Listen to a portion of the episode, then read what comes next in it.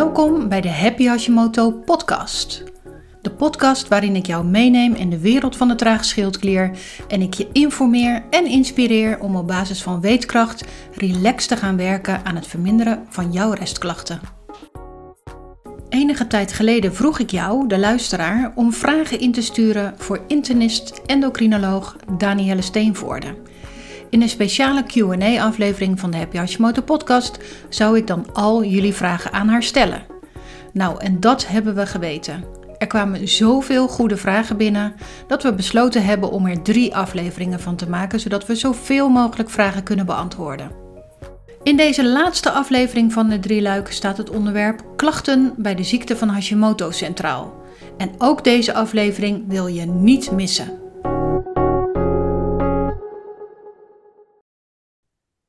Welkom luisteraar bij de laatste aflevering van het drieluik van de vraag- en antwoord sessie met internist, endocrinoloog en leefstijlarts Danielle Steenvoorde. En natuurlijk ook welkom Danielle voor deze derde opnamedag. Had jij verwacht dat we zoveel vragen zouden krijgen? Nou, het zijn er inderdaad wel meer dan ik uh, van tevoren had uh, gedacht. Maar um, ja, aan de andere kant, tegelijkertijd weet ik ook wel dat er heel veel vragen heersen bij uh, Hashimoto-patiënten. Dus achteraf gezien is het ook weer niet heel erg verbazend. Nee, uiteindelijk er is ook nog zoveel niet bekend bij patiënten dat elke informatie die wij bij de patiënt kunnen brengen is pure winst. Um, en daar helpt deze dit drieluik in ieder geval enorm bij. In deel 1 van het drieluik hebben we vragen beantwoord over het bezoek aan je arts en het gebruik van schildkliermedicatie. In deel 2 hebben we vragen beantwoord over de ziekte van Hashimoto en bloedwaarden. En in deze aflevering gaan wij op zoek naar antwoorden op vragen over de diverse klachten en restklachten die vaak voorkomen bij mensen met de ziekte van Hashimoto.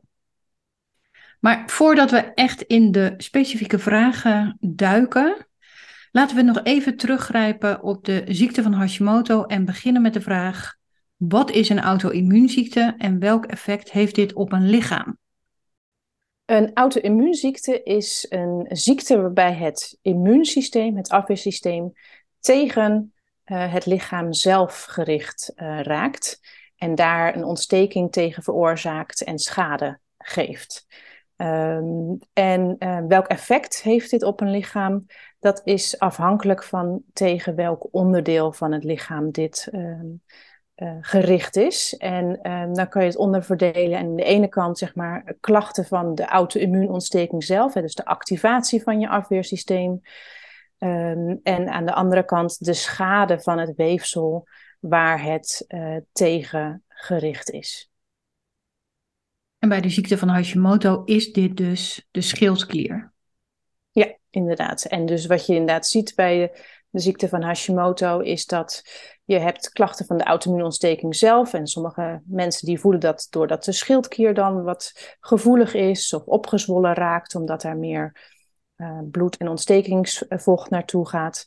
En aan de andere kant, hè, de schade van uh, de ontsteking zorgt ervoor dat de schildklier op een gegeven moment te weinig schildklierhormoon kan aanmaken.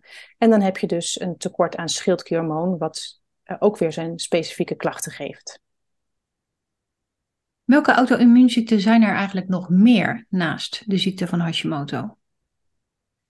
Eigenlijk kan een auto-immuunziekte tegen elk weefsel in het lichaam gericht zijn. Hè. Het is een afweersysteem dat richt zich op uh, eiwitten. Um, en eiwitten zitten er overal in het lichaam. En um, er zijn wel auto-immuunziekten die vaker voorkomen dan andere en bekender zijn. Dat is type 1 diabetes, waarbij het tegen de um, insulineproducerende cellen van de alvleesklier gericht is. Of reumatoïde artritis, waarbij het tegen het gewrichts weefsel um, gericht is. En je hebt ook auto-immuunziekten tegen de nieren, waardoor nieren uitvallen. Uh, en celiakie hebben we natuurlijk ook wel eens vaker benoemd. Hè, dus dat is tegen de darmwand en uh, de gevolgen van de gluten. En um, is wel een onderverdeling tussen auto-immuunziektes die gericht zijn op een onderdeel van de wat in elke cel zit, bijvoorbeeld zoals lupus, dan is het gericht op het uh, DNA van de cel. Je kan je voorstellen, dat zit natuurlijk in elke cel. Dus die mensen hebben een systemisch, dus een algeheel ontstekingsbeeld. Um, en um, dan Andere kant zijn de ziektes zoals Hashimoto, waarbij het tegen één specifiek orgaan of weefsel gericht is. Um, en um, dus dan zijn de klachten heel erg afhankelijk van waar is het tegen gericht. En zoals ik net ook al zei, ook daarnaast heb je gewoon de algemene klachten van het hebben van een auto-immuunziekte, zoals uh, minder energie, et cetera. Hoe kom ik erachter of ik meerdere auto-immuunziektes heb? Dat um, is met name um, afhankelijk van welke klachten je ervaart. En um, meestal heb je daar toch wel een, uh, ook een arts voor nodig die samen met jou daarnaar kijkt. En het belangrijkste is dus welke klachten heb je en welke verschijnselen heb je. Sommige zijn heel duidelijk, hè, zoals de vitiligo, waarbij je witte plekken op je huid uh, krijgt. Um, andere zijn minder duidelijk, die vooral vage klachten geeft. En dan moet je samen met een arts aan de slag, eh, die met jou kijkt van ja, wat zijn je klachten, wat zijn je symptomen. En dan afhankelijk van die klachten en symptomen gericht onderzoek inzetten naar uh, bijvoorbeeld auto-antistoffen die bij een bepaalde ziekte horen. Of uh, naar uitval van of beschadiging van weefsels. En in principe kan dat via je huisarts, dat gesprek? Ja, het begint altijd bij je huisarts. En um, sommige dingen zal de huisarts weten en anders um, zal je verwezen worden naar een uh, specialist die samen met jou daar naar kan kijken. Waarom heeft de, de een wel restklachten bij Hashimoto en de ander niet? Ja, dat is een goede vraag. Uh, want het klopt inderdaad dat er mensen zijn met de ziekte van Hashimoto en dan behandel je ze uh, met schildklierhormoon, waardoor het uh, tekort opgeheven is en dan zijn ze klachtenvrij. Ik denk dat er een paar dingen meespelen in het verschil. Uh, aan de ene kant heb je waarschijnlijk, zou het kunnen zijn dat die mensen, dat, waarbij dat de auto-immuunontsteking al tot rust gekomen is. En dat je alleen nog maar de schade, dus het tekort aan schildklierhormoon, hoeft te behandelen. En dat de mensen met restklachten degene zijn die meer actieve auto-immuunontsteking hebben. Um, voor zover ik weet is dat niet onderzocht. Dus dat kan ik niet ondersteunen met um, wetenschappelijk onderzoek. Maar ik kan me zo voorstellen dat dat in ieder geval meespeelt. Daarnaast speelt mee dat de ene persoon gewoon wat gevoeliger is dan de ander. Dus uh, makkelijker dingen opmerkt in het lichaam. En daarnaast is het uh, kunnen de restklachten soms ook komen door uh, iets wat zeg maar, indirect te maken heeft, bijvoorbeeld met de ziekte van Hashimoto, wat meespeelt. Dus dat wel heeft te maken met de ziekte, maar toch ook een beetje ervan losstaat, uh, zoals bijvoorbeeld een afwijkend darmmicrobioom um, of een andere auto-immuunziekte, dat soort dingen, of, of onderliggende stressfactoren. Dus het heeft wel met elkaar te maken, maar het staat er toch los van en dat kan per persoon verschillend zijn. Helder. Hoe weet ik of mijn klachten komen door mijn Hashimoto of door een slechte omzetting van T4 naar T3? En is hier een verschil tussen?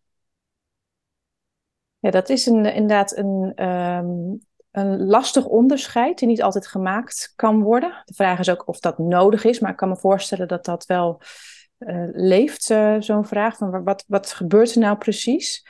Ja, en er is een verschil tussen. Eh, ja, de slechte omzetting van T4 naar T3, dan heb je het over dat T4 uh, ehm, door het lichaam, door de enzymen, uh, meer wordt omgezet in reverse T3 dan in T3. En dat is in principe een normaal uh, mechanisme van het lichaam, die dat gebruikt hè, als bijvoorbeeld het sturen van energie, hè, om energie te besparen in bepaalde weefsels of het hele lichaam. Dus het is op zich een nuttig mechanisme.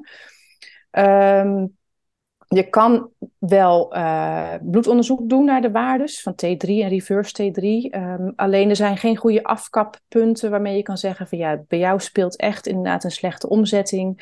En bij deze, dit afkappunt, als je daar onder of boven zit, is dat niet het geval. Dus je kan dat nooit helemaal zeker weten.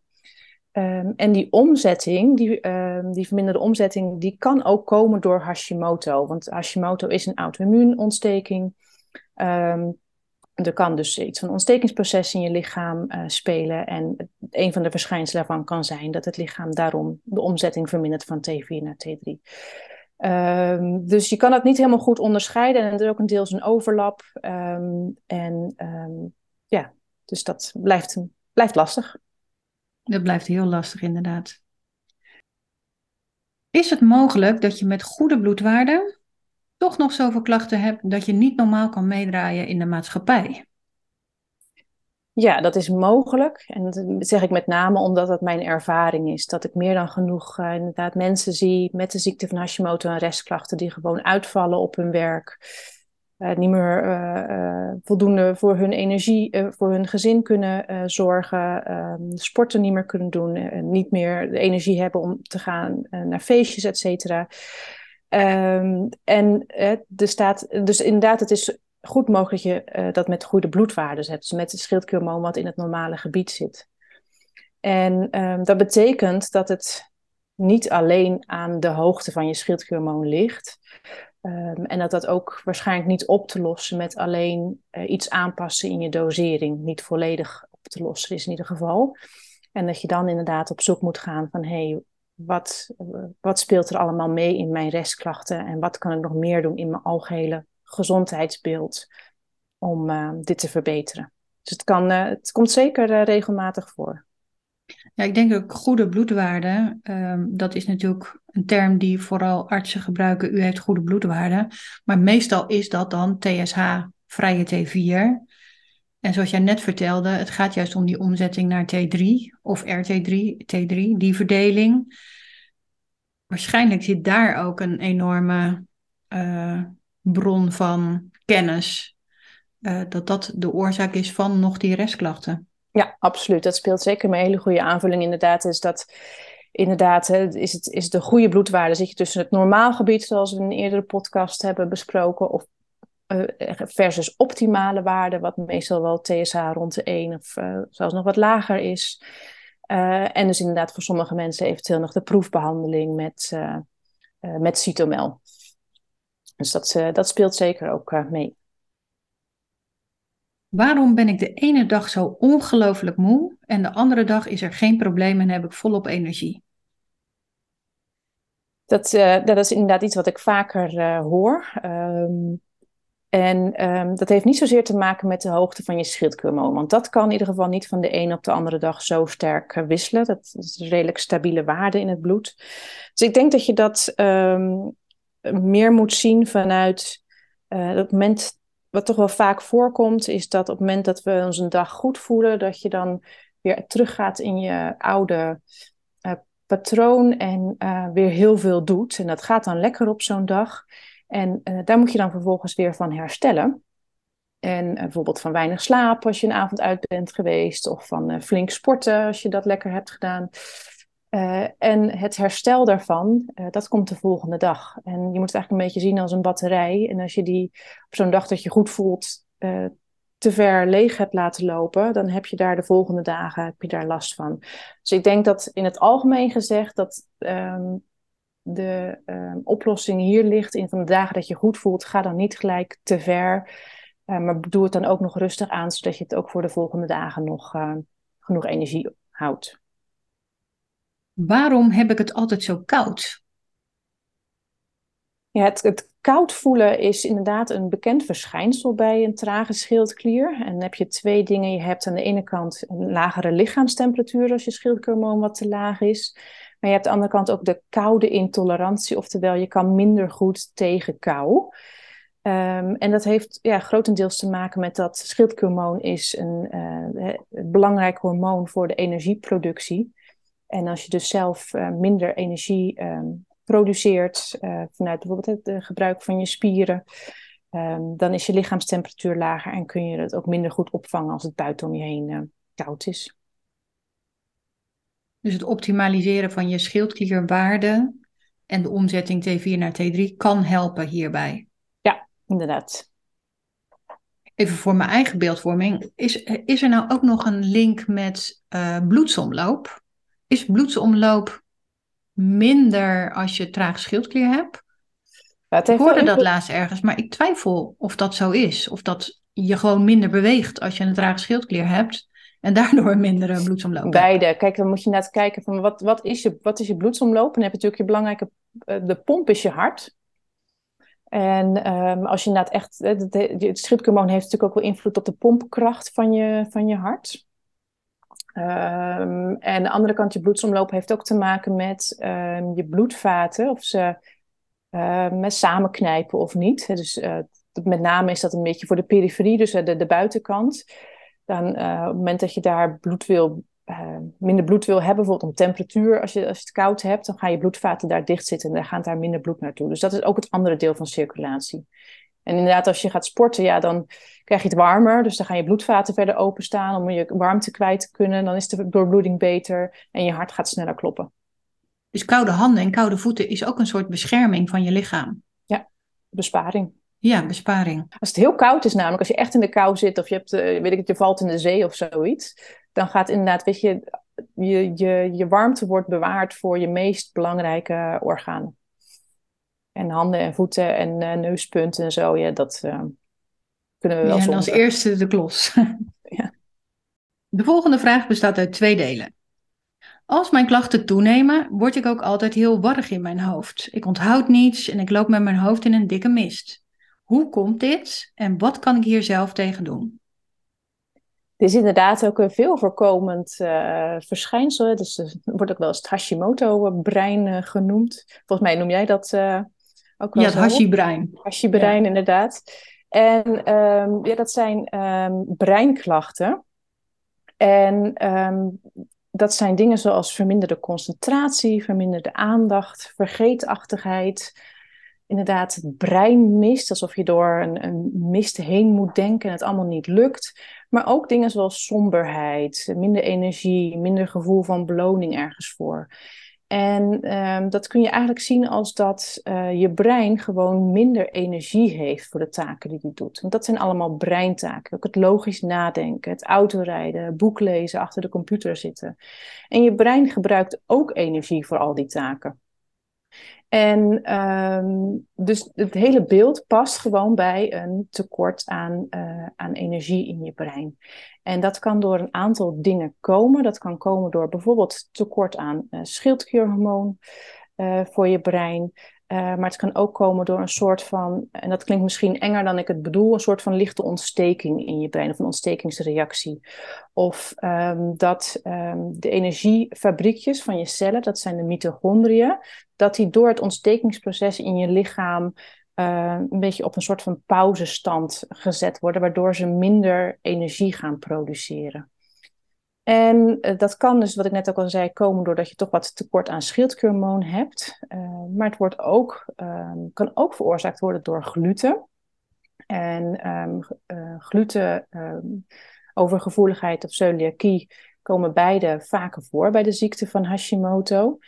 En wat je ook wel ziet is dat mensen op het moment dat ze dan glutenvrij gaan eten, dat die klachten van het brein ook verdwijnen en weer helderheid ontstaat. En um, het andere punt is ook stress. Um, stress geeft ook dezelfde soort uh, klachten op het brein. En uh, op het moment dat je qua schildklier goed, niet goed staat ingesteld, dan kun je ook minder goed met stress omgaan, want het kost ook energie om met stress om te kunnen gaan. En het hebben van die klachten, dat geeft ook weer stress, et cetera. En dan heb je ook nog je andere stressfactoren. Dus um, ja, wat kan je hier zelf tegen doen? Nou, kijk uh, samen met je arts of je net optimaal staat ingesteld op je schildklierhormoon. Uh, overweeg inderdaad sterk, als je dat nog niet doet, om uh, een keer uh, vrij te gaan eten. Um, je hebt weinig energie, dus geef daar ook aan toe dat je je energie spaart. En als je inderdaad stressfactoren hebt, pas die ook aan. En ga aan ontspanningstechnieken doen, zoals meditatie, mindfulness, wandelen in de natuur. Je noemde net al het voorbeeld van probeer het eens een tijdje zonder gluten, kijken wat er gebeurt met die uh, vermindering van brain fog klachten. Zijn er nog meer tips op gebied van voeding en leefstijl uh, die mensen zouden kunnen proberen om brain fog te verminderen? Ja, um, nou ja, voeding in het algemeen. Um, ga ook ontstekingsremmend um, eten. En dat is in het kort gezegd uh, zoveel mogelijk onbewerkt en veel groenten. een beetje zoals het ouderwetse mediterraanse dieet. Nou, daar is genoeg informatie over te vinden als je daarop zou zoeken. Ontstekingsremmend eten. Suiker, sterke grote boosdoener ook. Als je geraffineerde suikers, toegevoegde suikers. Nou, dat zorgt voor schommelingen van je bloedsuikerspiegel en ook daardoor weer voor je stresshormoon um, en ook in je energielevel. Dus ga ook suiker uh, vermijden. Ehm, beweging. Uh, als je echt heel veel stil zit en bijna geen beweging hebt, dan zeg ik ga rustig bewegen. Dat is goed om ontsteking te remmen en goed voor je doorbloeding ook onder andere van je brein. Um, als je veel restklachten hebt, dan heeft het vaak, uh, kan het averechts werken om heel hard te gaan sporten. Dus bewaar dat voor op het moment dat je goed genoeg opgeknapt uh, bent. Want je wil niet maar zo hard sporten dat je daar weer een paar dagen van moet uh, bijkomen. Slaap is heel belangrijk. Um, en niet alleen slaap, maar ook je circadiaanse ritme. Oftewel je 24 uur interne klok. Um, dus ga op tijd naar bed. Zorg ervoor dat je zo goed mogelijk slaapt. Um, en um, ja, zoals ik net ook gewoon noemde, de, de stressvermindering uh, uh, ook erg belangrijk. Omega 3 hoor ik ook vaak nog in dit rijtje. Wat is jouw visie daarop? Omega 3 is een, een ontstekingsremmend uh, um, supplement, eigenlijk ontstekingsremmende stof, een hele belangrijke voor je brein. Uh, wat belangrijk is bij omega-3 is dat het met name gaat om de verhouding omega-6, omega-3. Als je te veel omega-6 binnenkrijgt, kan dat uh, ontstekingsbevorderend werken. En dat zit uh, onder andere veel in bepaalde plantaardige oliën, zoals zonnebloemolie en palmolie. Um, en um, omega-3 zit weer in dingen zoals vette vis. En dus het verminderen aan de ene kant uh, de overmaat van plantaardige olie. Nou, dan kom je ook weer terug op het puntje van ga zoveel mogelijk onbewerkt eten.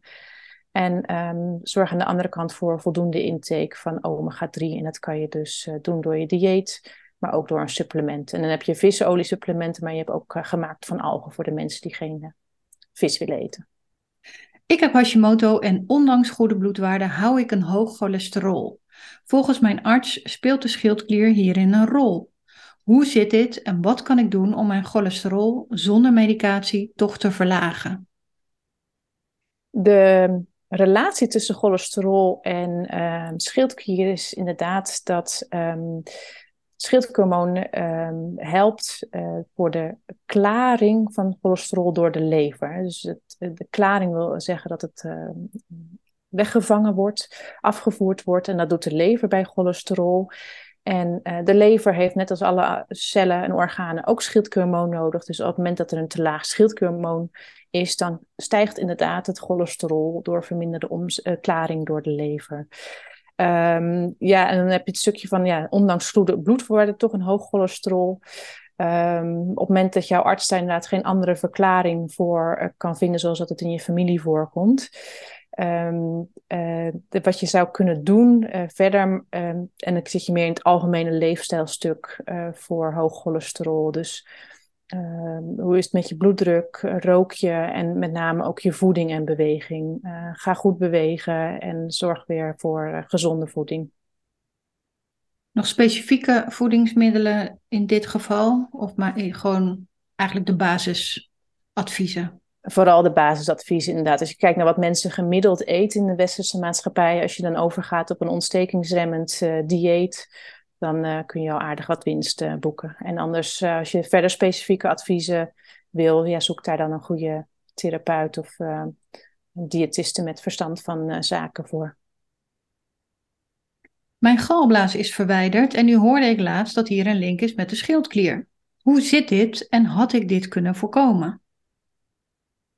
Ehm, nou, wat betreft het laatste, nee, dit had je waarschijnlijk niet uh, kunnen voorkomen. Uh, maar het is wel goed inderdaad om te weten dat er inderdaad een relatie zit, tussen trage schildklier um, en uh, galblaasklachten, wat ook niet bij iedereen bekend is. Het schildklierhormoon zorgt namelijk voor samentrekking van je galblaas en ook voor galzuurproductie. Dus bij te weinig schildklierhormoon heb je dus verminderde samentrekking van je galblaas, dus blijft je gal langer uh, in je galblaas zitten en dan uh, kan het uh, soort van neerslaan als, als galstenen. Um, en dus ook verminderde galzuurproductie en wat meer cholesterol in de gal, waardoor je ook eerder vorming krijgt van je galstenen.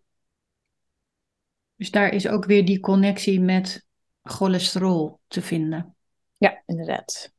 Is dit probleem vaker voorkomend bij mensen die dus heel laat pas een diagnose trage schildklier krijgen? Dat, ik, weet, ik weet niet of dat ook bekend is of dat onderzocht is, maar ik kan me dat, ik kan me dat goed voorstellen dat als het langer speelt. Um, het belangrijkste is gewoon dat um, op het moment dat je uh, klachten hebt die kunnen passen bij um, galblaas, dat je daar ook wat eerder aan denkt op het moment dat je een trage schildklier hebt of hebt gehad. Dat de artsen daarvan ook op de hoogte zijn. Dat je daar gewoon verhoogde kans op hebt. Ik heb Hashimoto. In één jaar tijd ben ik twee kiezen kwijtgeraakt door tandvleesontstekingen en parodontitis, terwijl mijn mondverzorging juist heel goed is. Is er een verband met de schildklier? Ja, zeker. Mooie vraag ook. Um, ik heb daar toevallig pas geleden nog een artikel geschreven voor een, een, een tandartsentijdschrift. En um, er is een duidelijke relatie tussen de ziekte van Hashimoto en de parodontitis. En uh, waarschijnlijk speelden er ook weer meerdere factoren een rol. Um, parodontitis is een ontsteking waarvan ook nog niet geheel duidelijk is hoe dat precies komt. Mogelijk speelt er ook wel iets van een auto-immuuncomponent in mee. En wat je voor de rest ziet, uh, wat mee kan spelen in deze relatie, is dat er ook een dysbiose kan zijn, dus een onbalans van de bacteriën in de mond. En naast een, microbioom in de darmen hebben we ook een microbioom in de mond. Dus dat je daar een onbalans hebt en dat je meer ongunstige bacteriën hebt en minder gunstige bacteriën. Uh, en ook het afweersysteem, dus onze immuniteit kan wat verminderd zijn bij de ziekte van uh, Hashimoto. Dus er speelt zeker een, een, rol. Ook gaat het weer beide kanten op. Hè. Dus het, ik geef ook altijd advies aan mensen om uh, goed te zorgen voor tandvleesverzorging. Want um, het gehele oppervlakte van ons tandvlees is ook weer heel groot. En als daar een ontsteking zit, bijvoorbeeld dat je kan merken doordat je bloedend tandvlees hebt, dan is dat ook weer een belasting voor je afweersysteem. En dat zou ook je Hashimoto weer kunnen verergeren. Dus ga echt goed poetsen, ga goed uh, flossen.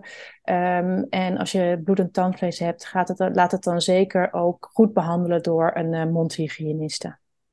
Ik heb last van mijn evenwichtsorgaan. Komt dat door een trage schildklier? Het, ons evenwicht wordt door een aantal dingen geregeld. We hebben een evenwichtsorgaan zitten in uh, onze oren. En als je daar last van hebt, bijvoorbeeld als die ontstoken is, dan krijg je echt een draaiduizeligheid, alsof je op een, uh, op een draaimolen zit. Uh, of dat door een trage schildklier komt. Ik weet niet of dat kan me voorstellen, omdat elk orgaan heeft, wordt wel beïnvloed door de schildklier. Ik durf niet te zeggen of dat nou echt heel veel meer voorkomt dan, dan gemiddeld. Ik, in de praktijk kom ik het eigenlijk niet tegen. Maar wat, uh, als we het over evenwicht en balans hebben, wat ook wel misschien goed is om te weten, is dat ons balans kan ook um, geregeld, wordt ook geregeld door het cerebellum. Dat zijn eigenlijk de, de, kleine hersenen die achterin, onderin onze hersenen zitten. En op het moment dat het cerebellum wat minder goed functioneert, dan kun je het een beetje vergelijken als met wanneer je te veel alcohol hebt gedronken. Dan kan je niet meer goed uh, recht lopen en heb je ook evenwichtsproblemen. En uh, bij de ziekte van Hashimoto kan er soms uh, bij, een bij, een deel van de mensen ook een uh, soort van kruisreactie ontstaan met de antistoffen tegen het cerebellum. Oftewel dat dat cerebellum ook beschadigd kan raken. dus als het niet heel duidelijk je evenwichtsorgaan is, dan is kan het ook wel goed zijn als je balansproblemen ervaart, dat je dat een keer laat onderzoeken door een arts. Want daar zijn speciale testjes voor om te kijken hoe het met je balans is. Um, en dat, dat gaat dus over inderdaad uh, rechtdoor kunnen lopen. Of wat je kan merken is dat je bijvoorbeeld wat vaker uh, tegen uh, een deurpost op zou knallen. Um, of dat het schrijven wat, wat moeilijker gaat, wat meer last van trillende handen. En dat kun je natuurlijk niet zo eventjes zo zelf aan de hand van deze symptomen bij jezelf vaststellen, maar daar heb je wel een arts voor nodig.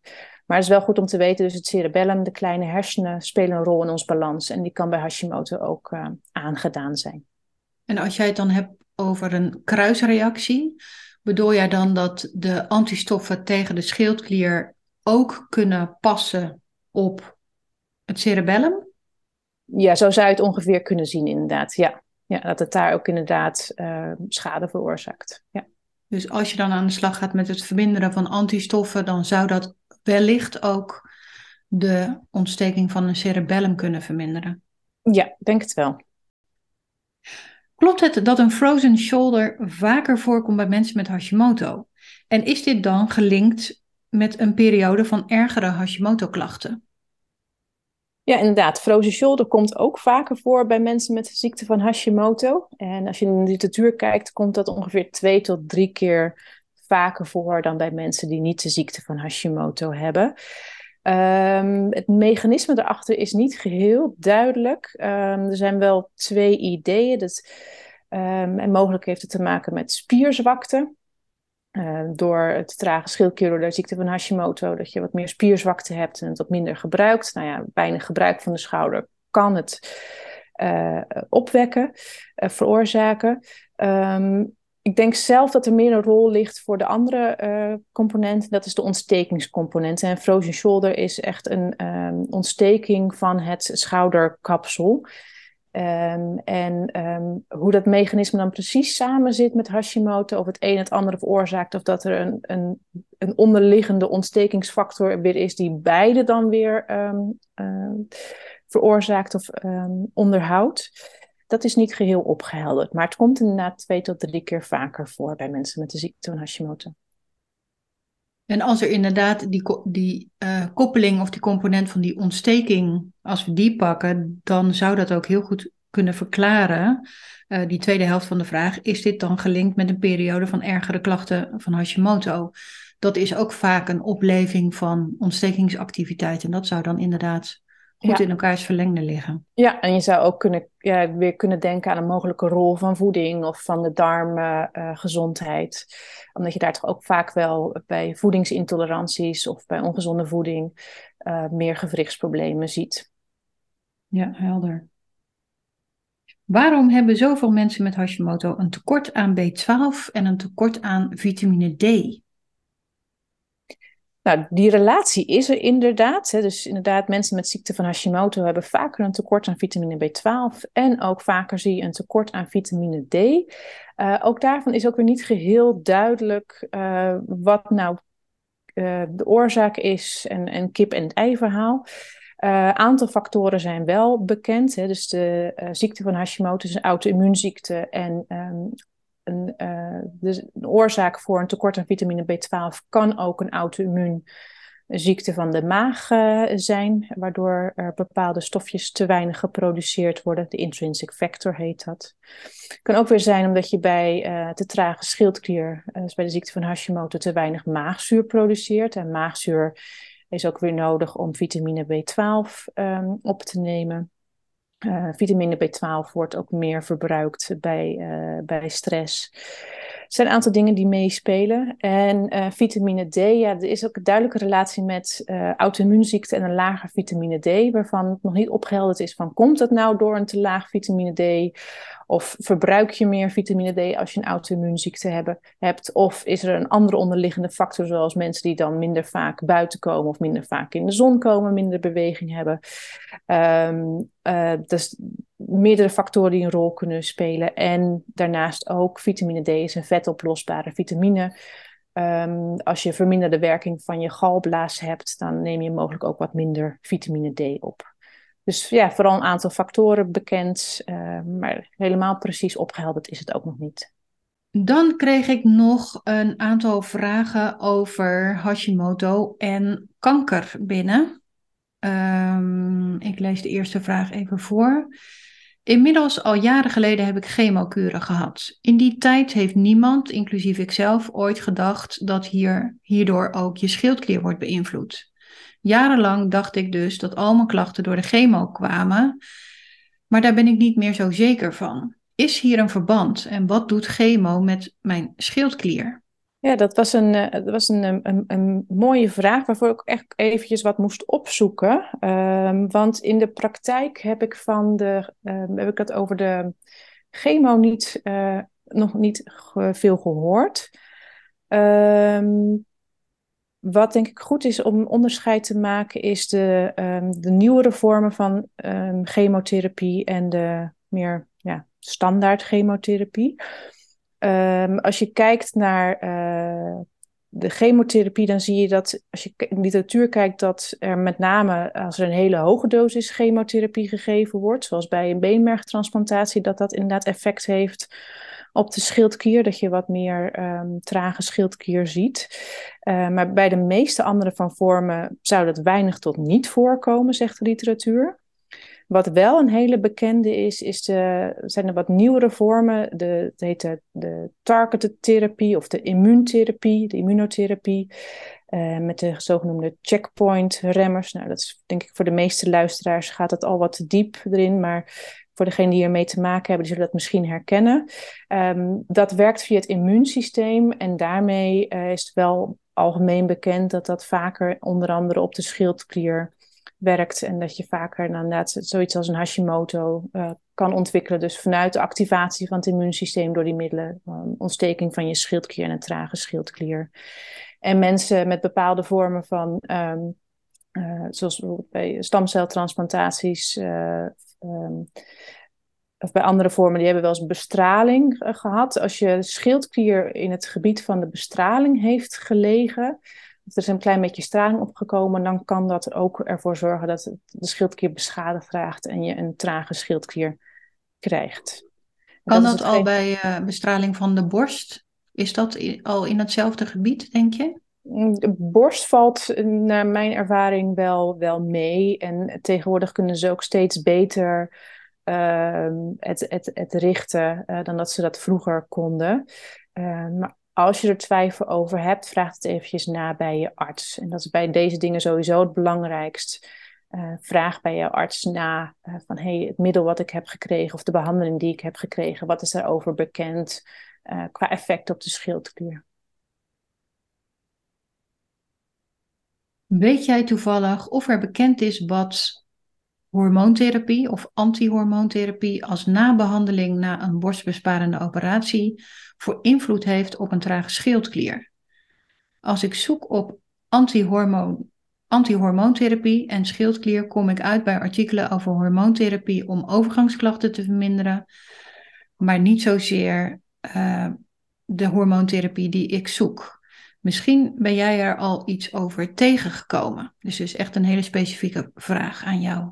Ja, Um, wat hiermee bedoeld wordt, is inderdaad de. Dat zijn mensen die, die borstkanker hebben, waarbij de borstkankercellen gevoelig zijn voor de vrouwelijke hormonen. Um, dat, uh, dat wordt getest en uh, op het moment dat het er gevoelig voor is, krijgen die vrouwen behandeling met ja, een soort van antihormonen om hun eigen vrouwelijke hormonen uh, te verlagen, waardoor die niet meer uh, de groei van um, of terugkeer van de, de borstkankercellen kan stimuleren. En dat zijn verschillende soorten. Uh, veel voorkomende zijn bijvoorbeeld de tamoxifen. En dat zijn de anti-oestrogenen, de uh, aromatase-remmers.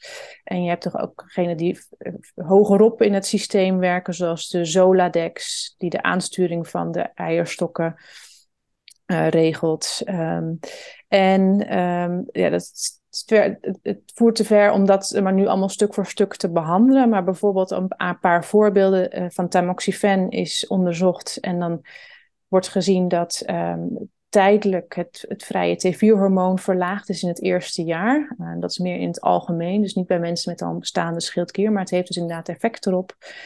Um, Zoladex is een middel wat wel bekend staat dat het inderdaad meer kans kan geven op de ziekte van Hashimoto, dat het dat uit kan lokken.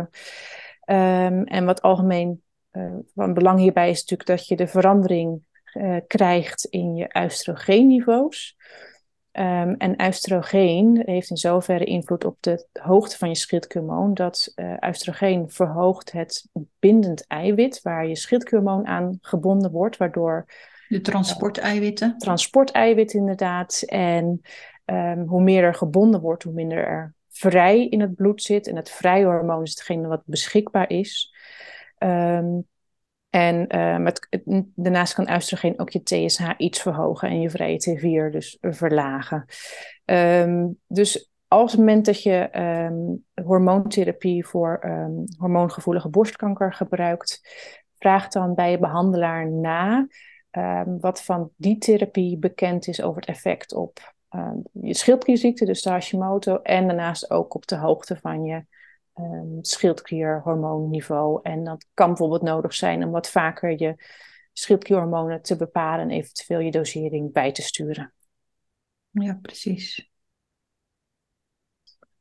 Ook kwamen er nog heel veel uh, vragen binnen over corona en de schildklier. En die vragen uh, varieerden dan: uh, wat is het effect van een vaccinatie op mijn schildklierwaarde? Wat is het effect van een besmetting op mijn schildklierwaarde? Kan het zijn dat mijn antistoffen omhoog zijn gegaan door een besmetting of door een vaccinatie? Kortom, wat is de relatie of wat is een mogelijke relatie of gevolgen van corona en een trage schildklier en de bloedwaarde? Kun jij hier iets op zeggen? Weet jij hier iets van? Uh, ja, wat ik hiervan weet is dat uh, beide de coronabesmetting en de vaccinatie van invloed erop kunnen zijn. Um, er zijn mensen bij wie de Hashimoto ontdekt wordt of uh, getriggerd wordt um, na een coronabesmetting, maar ook na een coronavaccinatie. Dus beide kunnen het um, ja, veroorzaken of triggeren. De vraag is altijd als het ontdekt wordt, is het dan echt net ontstaan of is het gewoon, was het al sluimerend aanwezig en is het vervolgens getriggerd en opgevlamd? En dus uh, als het opvlamt, dan kunnen inderdaad ook je TPO-antistoffen stijgen. En dat is uh, niet alleen bij een coronabesmetting, maar ook andere virusbesmettingen kunnen dit effect hebben. En als je dan kijkt naar de besmetting, dan, kan het, dan is het zo dat corona kan je schildkliercellen um, infecteren, waardoor die ontstoken kunnen raken. En bijvoorbeeld wat meer schildklierhormoon kunnen vrijkomen, of juist de schildklier wat beschadigd raakt. Maar de besmetting en de vaccinatie kunnen ook je immuunsysteem activeren waardoor um, er ook weer effect kan zijn erop. Um, en ook bij mensen met, ik zag één onderzoek mensen die geen Hashimoto hebben, waarbij gekeken is naar het effect op de schildklier van een coronabesmetting. En dan zien ze tijdelijk een verlaagd TSH. Dus ja, de, activatie van je immuunsysteem, het ziek zijn, het kan allemaal invloed hebben op de Hashimoto. Het kan het triggeren, maar het kan ook inderdaad gewoon even tijdelijk je uh, weer uit, uh, uh, uit de pas doen lopen. Ik heb zelf ook, ken ook een paar patiënten die inderdaad sinds de corona-besmetting of vaccinatie gewoon, terwijl ze altijd stabiel waren, ineens weer helemaal ontregeld zijn. En het weer een tijd duurt om de ontsteking tot rust te brengen, maar ook weer het schildklierhormoon op het normale niveau te brengen. De komende jaren zal er veel meer duidelijkheid komen, denk ik, over deze connectie. Vast wel, inderdaad. Ja, ja. We hebben weer enorm veel vragen beantwoord. Um, we gaan alweer richting afronden. Um, volgens mij hebben we alweer een hele tijd gepraat samen. Volgens mij hebben we met dit drie luik heel veel uh, vragen die nog in de lucht hingen beantwoord. Ik ben ook wel heel benieuwd uh, ja, wat, wat jij ervan vond eigenlijk om al deze vragen in drie sessies te beantwoorden voor alle luisteraars. Nou, ik vond het heel leuk om uh, inderdaad eens uh, wat, nog wat duidelijkheid te krijgen over van wat leeft er precies bij de mensen met de ziekte van Hashimoto. Ik krijg natuurlijk in mijn praktijk krijg ik natuurlijk de, vragen van mensen. Uh, die echt specifiek aan mij gericht worden. Dus een, een aantal dingen waren ook wel bekend. Maar ik vind het ook wel leuk om te zien dat er ook vragen tussen zitten die bij mensen leven, maar waarvoor je niet zo snel alleen daarvoor een arts zou uh, bezoeken. Um, en ja, dat is dat, uh, heel leuk om daar uh, een, een, inkijk in te krijgen. En dat is voor mij ook weer heel erg leerzaam. Van ja, wat, wat, wat, hoe speelt dat bij, wat speelt er bij mensen die dit hebben? En um, ja, wat sommige dingen voor, zijn voor mij bijvoorbeeld al heel nou ja, standaard, dat je er niet meer zo snel aan nadenkt, omdat je er al zoveel jaar ervaring mee hebt. En dan is het ook weer goed om even te zien van, hé, hey, dit, dit soort dingen leven nou echt bij mensen en dit, dit is heel belangrijk uh, voor ze. Dus uh, dank daarvoor, voor iedereen die die vragen heeft uh, ingestuurd, want ik kan hier zelf natuurlijk ook weer van, van leren. Heel mooi. En ik vond het ook gewoon heel leuk. Um, ja, want Vera, jij en ik hebben allebei dezelfde missie. Dat we gewoon, we weten dat er gewoon zoveel zo'n gebrek aan kennis kan zijn uh, over deze ziekte. En dat er ten onrechte zo vaak gezegd wordt van... hé, hey, het is gewoon je schildklierhormoon en een beetje hormoon en het gaat weer goed. En uh, uh, wat moet je nou met die, die restklachten? En het is zo belangrijk om daar gewoon de kennis over te delen. En dat mensen weten van... hé, hey, het is niet alleen even die schildklier en schildklierhormoon... maar kijk naar het hele plaatje. Het heeft allemaal invloed op elkaar. En het speelt allemaal of mee uh, bij het, uh, de mate van klachten, maar tegelijkertijd, het kan ook weer beïnvloed worden door de ziekte. Het is gewoon één groot web. Het heeft allemaal met elkaar te maken, direct of indirect. En uh, nou ja, respect voor alle mensen die deze aandoening hebben en uh, hiermee over moeten leren en hun leven anders op moeten, moeten indelen. Maar ik hoop dat we daar mee kunnen helpen op deze manier. Ik denk het wel. En ik vind het ook heel mooi dat je daar aandacht aan geeft. Dat het uh, inderdaad niet makkelijk is voor de mensen die ermee leven. En dat ze het toch maar even allemaal doen. Ook dat ze weer de tijd en de energie maken om überhaupt naar deze podcastafleveringen te luisteren. Want ook dat kost energie. Je hoort zoveel nieuwe informatie, zeker als je net begint in je zoektocht. Dat ik me ook heel goed kan voorstellen dat dit mega overwhelming is. En voor die mensen die nu zitten te luisteren en die denken: holy moly, dit is veel groter en ingewikkelder dan ik ooit dacht. Maak je niet druk, maak het voor jezelf kleiner. Als je iets hoort waarvan je denkt: oh, dat vind ik interessant, ga daarmee aan de slag en vergeet de rest. En pak een keer als je meer energie hebt of je bent weer een stapje verder, pak dan weer eens wat anders erbij. Maar laat je niet opjutten of opjagen door de informatie die er nu allemaal op je afkomt. Knip het op in kleine brokjes en volg vooral je eigen tempo. Dat is nog wel even wat ik mee wil geven. Ja, en zeker wat er bij mij ook opkomt. Hè. Op het moment dat je al deze klachten niet hebt, ga je dan ook zelf niet ongerust lopen maken dat je dat nog gaat krijgen of dat je het misschien wel hebt, maar niet door hebt. Nee, het kan ook heel goed zijn dat het bij jou alleen eh, even instellen is op schildklierhormoon en het is verder allemaal goed. Dus vergelijk je niet uh, te veel. Leer van anderen, maar vergelijk je niet met anderen. Voel wat jij voelt. Um, en ga daarmee aan de slag. En uh, dus uh, als je het niet hebt, wees er ook niet bang voor. je hoeft niet al deze klachten te krijgen. Maar het is voor de mensen die het hebben wel goed om te weten wat er allemaal mee speelt. En ja, dat wou ik nog eventjes toevoegen. Ja, briljant ik bedenk me nu opeens, omdat je zegt van joh, en ga daarmee aan de slag. Ik zei dat net ook, doe het rustig aan in kleine stapjes en uh, ga met kleine dingen tegelijkertijd aan de slag. Maar ik denk dat wij ook nog wel weer een drieluik kunnen gaan maken over dat. Wat ga je dan doen als je aan de slag gaat? Ja. Dus wat houdt leefstijl dan in? Wat houdt voeding dan in? En wellicht dat we daar weer een ronde uh, de vragen open kunnen stellen, dat mensen dat kunnen gaan inzenden. Uh, maar dat wordt iets voor 2023. uh, oh. Maar wellicht dat we daar nog eens een keer een, een mooie QA-sessie over kunnen opzetten. Ja, zeker. Voor nu enorm bedankt voor deze drie dagen dat wij samen podcasten hebben zitten opnemen. Ik vond het een feestje. Ik heb zelf ook weer dingen geleerd. Uh, ja, enorm bedankt. Ja, graag gedaan. En uh, iedereen, jij ook bedankt. En uh, de mensen bedankt voor het insturen van de vragen. Succes allemaal met het afluisteren van alle drie de afleveringen. Heb je um, de voorgaande twee afleveringen nog niet geluisterd en val je hier koud in?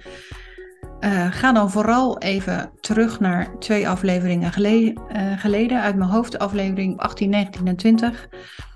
Luister vooral ook de andere twee afleveringen nog. Dan heb je denk ik een heel mooi alge, nou niet algemeen praatje, maar een mooi overzicht eigenlijk over alle componenten waar jij tegenaan kan lopen met als jij de ziekte van Hashimoto hebt. Bedankt voor het luisteren naar deze aflevering en wellicht uh, tot ziens bij een volgende aflevering van de Happy Hashimoto podcast. Bedankt voor het luisteren. Ik hoop dat je weer een aantal tips en aanknopingspunten voor jouw herstel hebt mogen ontvangen. Wil je nu geen aflevering meer missen? Abonneer je dan op de Happy Hashimoto podcast door op de knop abonneer of subscribe te klikken in jouw favoriete podcast app. En ben je heel enthousiast over deze podcast? Laat dan gelijk een mooie review voor me achter. Zo kunnen we samen nog meer mensen helpen. Alvast bedankt en tot de volgende aflevering.